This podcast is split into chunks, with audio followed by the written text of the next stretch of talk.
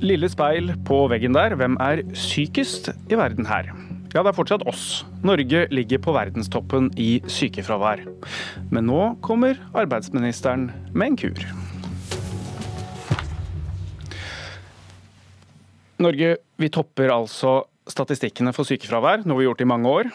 En, en, liten og lite oppløftende og lite bærekraftig statistikk, mener mange, eh, som regjeringen nå skal pynte på. Tilskudd til ekspertbistand skal styrke arbeidet med et godt arbeidsmiljø ved å spisse bistand til den sykemeldte og bedriften, heter det. Eh, arbeidsminister eh, Anniken Hauglie, hva er det egentlig dere lanserer nå? Ja, dette er jo ett av flere tiltak i den nye IA-avtalen, altså avtalen om et mer inkluderende arbeidsliv som myndighetene og partene signerte sammen eh, i fjor.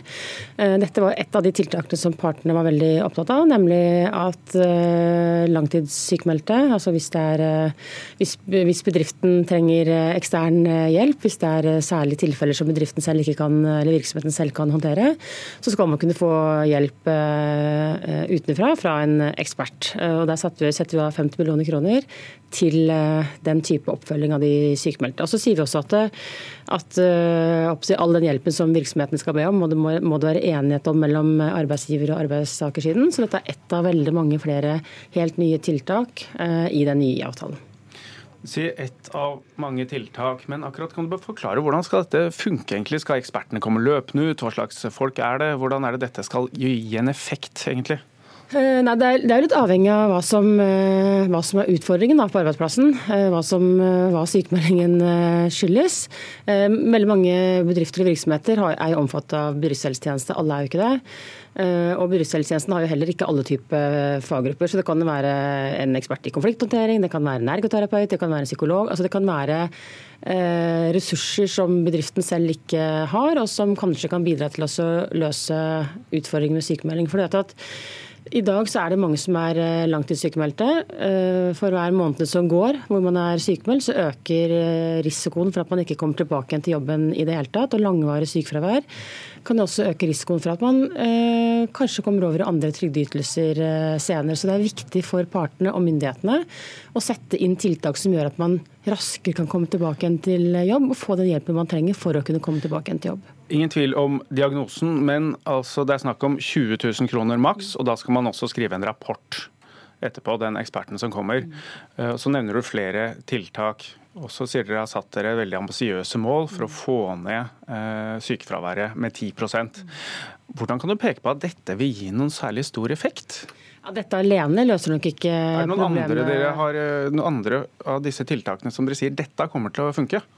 Så Da vi skulle signere IA-avtalen på nytt i fjor, så var vi opptatt av å ha en annen innretning enn tidligere. rett og slett fordi at eh, de, altså IA-avtalen de, de, siste 17 årene har ikke vist gode nok resultater. Nesten ingen i det hele tatt, faktisk. Og Vi var veldig tydelige på at en ny avtale må ha en annen innretning enn, enn de gamle avtalene hadde hatt. Og Det ene er jo at vi nå gjør IA-avtalen altså vi nå sier at virkemidlene skal gjelde hele arbeidslivet. Tidligere så gjaldt det kun de som hadde signert en avtale. Så Det betyr at hele offentlig sektor var en del av det. Eh, stadig færre i privat sektor var en del av av avtalen og hadde tilgang på hjelpemidlene. Så nå er dette en avtale som gjelder for hele eh, arbeidslivet. Det betyr at det er bedriftene som trenger eh, hjelp, de kan gå til, til Nav, de kan gå til arbeidslivssentrene. De kan få tilgang på denne, dette virkemidlet som vi nå lanserer. Men i tillegg så skal vi nå utvikle egne bransjeprogrammer, åtte bransjeprogrammer. Fordi vi ser at det er veldig ulike utfordringer i de ulike bransjene. og Da må vi også møte det utfordringsbildet litt uh, ulikt. Så det alene med hjelp til ekspertbistand, det løser ikke problemet, men det er ett av flere virkemidler som vi tror kan bidra til å løse problemet, og som partene selv har vært uh, veldig opptatt av, og da valgte vi å lytte til det. SV-leder Audun Lysbakken, velkommen. Um, ja, fornøyd med at bedriften nå skal få eksperthjelp, tror du det hjelper? Altså, jeg, dette syns jeg høres ut som et, eh, et, eh, godt forslag. Eh, det er et eksempel på en måte å tenke på som vi trenger mer av, nemlig å følge opp folk istedenfor å gi opp folk. Dessverre så står det jo i kontrast til veldig mye av det andre som denne regjeringen satser på, som jo har vært en lang historie om usosiale kutt som har rammet folk som har slitt i arbeidslivet, om altfor lav bemanning i Nav pga. kutt der, og om kjempelange ventetider ventetider på tiltak for de som trenger det. Og Dessverre så er det jo heller ikke dette lille forslaget som er dagens store nyhet, men det kuttet som Anniken Hauglie har servert gjennom VG, som altså betyr dype kutt i de allerede svært beskjedne summene som syke unge har å leve på, gjennom enda et kutt i arbeidsavklaringspengene. Og Det sier dessverre noe om hva som er hovedinnretningen til denne regjeringen. En usosial politikk hvor man istedenfor å følge opp folk som er syke, eh, gir opp folk som er syke. Eh, og Det fører altså til eh, dårligere resultater, ikke bedre resultater. Anniken Hauglie, den nyheten Audun Lysbakken refererer til, det er at dere kutter minstesatsen for de som går på arbeidsavklaringspenger som er under 25, fra oppunder 200 til 130 000. Hvorfor gjør dere det? Altså det vi gjør er at vi eh, tar ned ytelsene for de yngste på samme nivå som eh, ytelsene er for unge, altså andre ytelser for unge. altså Både introduksjonsstønaden, kvalifiseringsprogrammet som Lysbakken selv innførte, har det samme stønadsnivå som vi nå gjør for eh, unge på AAP. Dette er jo anbefalinger som vi har fått egentlig over flere år å gjøre dette. Og En av noen årsakene er at vi har hatt over mange år hatt en et stor utfordring med at mange unge faller utenfor. Det blir gående lenge på ytelser. Kommer seg ikke igjen tilbake igjen i verken jobb eller skole eller eh, aktivitet. Dette har vært en utfordring som økte voldsomt under den forrige regjeringen, som vi satte som mål å gjøre noe med. Eh, eh, men det vi også gjør samtidig, og det er viktig å understreke, når vi nå tar ned ytelsen til det samme nivå som unge på andre ytelser får, eh, så sier vi samtidig at krone for krone av det vi sparer inn, skal gå til å følge opp samme gruppe. For det er jo nettopp tett og tidlig oppfølging som har vært en av hovedutfordringene tidligere. Mange blir gående veldig lenge uten å få nødvendig hjelp og oppfølging. Og så er det viktig å huske på at av de unge som går på AAP, av de unge under 25, Ehm, så er det sånn at de får i dag vesentlig mer enn jevnaldrende på andre ytelser. Og de får vesentlig mer enn jevnaldrende som er i læra eller, eller, studerer. De aller fleste unge som kommer inn på AP, har for det første lidelser som aktivitet og jobb ville vært bra for dem, altså lettere psykiske lidelser.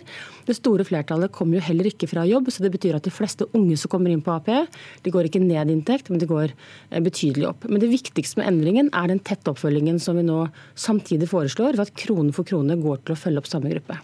Lysbakken, er det ikke en dårlig motivasjon å gi de som går på arbeidsavklaring, som er unge, mer penger enn de som går, gjør, driver med andre ordninger? Altså, Sammenligne dette med ungdom som studerer eller går i læren, det blir litt som å si at det er urettferdig at en alvorlig syk får gratis helsehjelp, mens vi som er friske, ikke får noe. Altså, Men motivasjonen som ligger i bunnen?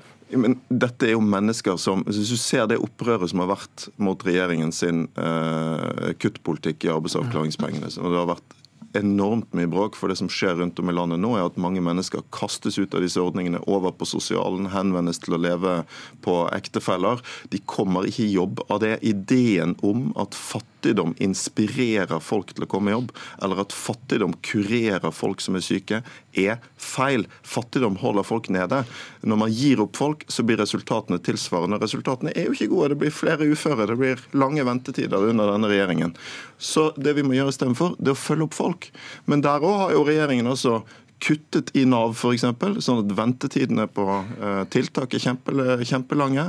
Eh, oppfølgingen av mennesker på arbeidsavklaringspenger er altfor dårlig. Og så kommer de nå da og så skal de endelig få bedre oppfølging av de yngste. Men da skal det jammen meg finansieres med mer fattigdom for de det også. Og så må vi huske at Dette er en regjering som altså deler ut milliarder av kroner til de rikeste i dette landet. Da er altså moralen at bare folk får mer av staten, så yter de mer. Mens for de fattigste så er det motsatt. Der er det sånn at jo mindre folk får, jo mer kommer de til å yte. Sånn er det ikke. Det er riktig at vi har gjort ganske mange endringer i velferdsytelsene. og Begrunnelsen for det har vært at eh, vi har sett evalueringer og gjennomganger som gjennomgående har vist at ytelsene og oppfølgingen ikke har vært god nok. Eh, arbeidsavklaringspengeordningen har vært eh, evaluert opp og ned av stolper. Har fått kritikk fra nær sagt alle vinkler og hold fordi den ikke har vært god nok. Og vi ser at hovedtyngden av de som kommer inn i ordningen, så ville arbeid og aktivitet faktisk vært det som mest helsebringende for dem. så det, det du sier nå er egentlig at ordningen ikke fungerer noe bra? Ja, det, altså, ja, det er jo derfor vi gjør dette. fordi ja. øh, Vi har jo evaluert veldig mange av de ordningene som vi har, og gjennomgående så viser de at de er ikke gode nok på nær sagt noen, noen måte. Og det verste man kan gjøre med folk som trenger arbeid og aktivitet og oppfølging, er jo at de blir gående opp og si i fred uten eh, tett oppfølging. Til ventetidene. Jeg er glad for at Lysbakken er opptatt av å få ned ventetidene, men de er betydelig lavere nå enn det han selv styrte, både i helsevesenet og faktisk i Nav. Nav også har jo fått mye, mye, flere ressurser nå enn før, både når det gjelder personell, men også når det gjelder verktøy. Verktøykassa til Nav var ikke god nok før. Altfor mange ble gående i, si, nær sagt, i årevis uten hjelp og oppfølging. Og jeg syns det er ganske forstemmende å høre hvordan Lysbakken så, så lett hopper over det som har vært både behov, hvilken hjelp folk faktisk har hatt behov for å få, og de evalueringene som har vist at eh, systemene våre har bare ikke vært eh, gode nok. Nå ser vi jo det er færre unge på Nav. Vi ser at flere unge fullfører og består eh, videregående skole. Vi ser at antallet og andelen unge utenfor jobb, skoleaktivitet går nå for første gang ned. og Det burde jo alle være glad for, ikke minst også SV, som i hvert fall sier at man er opptatt av å gjøre noe med fattigdom, og jobb er det viktigste virkemidlet mot fattigdom. Jeg tror at det er seks år ved makten så må regjeringen ta ansvar for det som er situasjonen. F.eks. at det blir flere uføre, ikke færre. F.eks. at ventetidene på tiltak for unge med nedsatt arbeidsevne er fryktelig lange. Og det, og, det, og det, peker altså på det som er hovedproblemet til denne regjeringen. Istedenfor å gjøre noe med systemet, så kutter man. Man oppnår altså resultater i hermetegn ved å lempe folk ut av arbeidsavklaringspengeordningen f.eks. Over på sosiale. Nå ser vi at sosialutgiftene i mange kommuner eksploderer. Og det er ikke å løse problemet. Det er tvert imot å støte folk ut. Nei, dette er virkeligheten til folk. Og dette er det jo ikke jeg som har funnet på. Se på hva aksjonistene for eh, arbeidsavklaringspenger sier rundt om i landet, og sier at det er bare retorikk. Dette er virkeligheten til mennesker. Mennesker som har en fortvilet livssituasjon pga. den politikken denne regjeringen fører. Og den gir ikke folk jobb. Og, det, det er... Men, men Audun Lysbakken, man må også gå til motivasjonen. Og For å spørre Anniken Hauglie om det først. altså Når dere kutter i arbeidsavklaringspenger for unge, det er et kutt, det er motivasjon med et kutt. Hvorfor tror du ikke det funker på eldre arbeidstakere? Altså det, eh, det Sykelønnsordningen den ligger jo støtt. 100 altså vi, Det vi gjør nå er at vi følger opp, vi har hatt et ekspertutvalg som jobber med sysselsettingsutvalget, som har kommet med en anbefaling om å gjøre dette for unge. og hvor De viser veldig tydelig at eh, for de unge som går på arbeidsavklaringspenger Jeg har anbefalt å kutte i stønadsordningene, altså at arbeidsgivere i hvert fall må bidra til å betale for regningen for sykefraværet. Også i stor grad pekt på at arbeidstakere bør det.